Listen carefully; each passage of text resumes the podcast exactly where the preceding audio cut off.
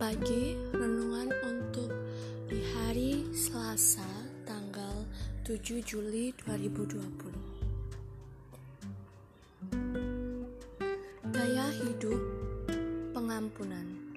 Setelah mengajar murid-muridnya untuk berdoa, Yesus memberi mereka wawasan penting tentang bagaimana mereka dapat berjalan bersama di dunia yang rusak ini.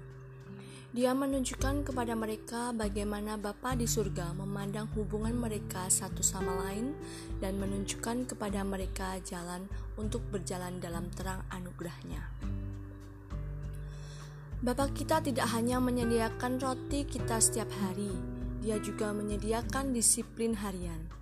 Pengampunan dosa dalam bacaan ini berbicara tentang akumulasi dari kelakuan buruk, sakit hati, dan kesalahan yang merupakan bagian kehidupan iman kita sehari-hari di dunia yang telah jatuh ini.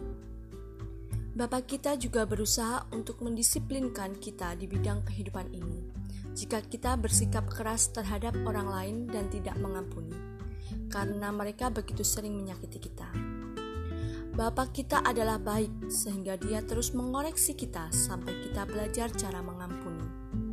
Dia baik hati dalam menghadapi kecongkaan kita dan mengingatkan kita akan kesalahan kita sendiri.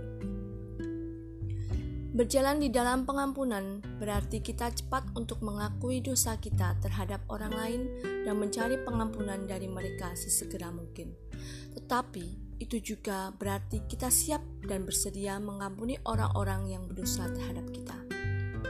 Pengampunan seperti ini dimungkinkan ketika kita mempertimbangkan bagaimana Bapa telah mengampuni kita di dalam Kristus. Efesus 4 ayat 32. Penghinaan dan luka yang kita terima dari orang lain adalah kecil dibandingkan dengan apa yang diderita Kristus sebagai akibat dari dosa-dosa kita terhadapnya.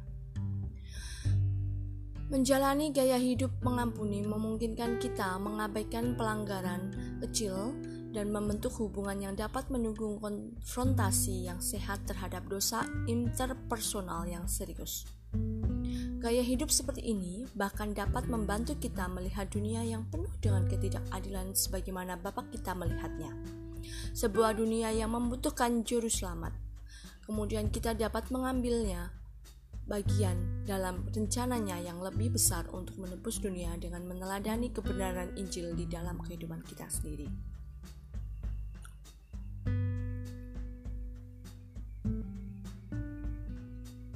Dalam Matius 6 ayat 14 dan 15, karena jikalau kamu mengampuni kesalahan orang, Bapamu yang di sorga akan mengampuni kamu juga. Tetapi jikalau kamu tidak mengampuni orang, Bapamu juga tidak akan mengampuni kesalahanmu. Oke, jadi awali hari kita dengan banyak bersyukur, berdoa selalu dengan Raja Yesus ya supaya kita beroleh uh, keselamatan. Oke, sampai jumpa di renungan besok. Bye.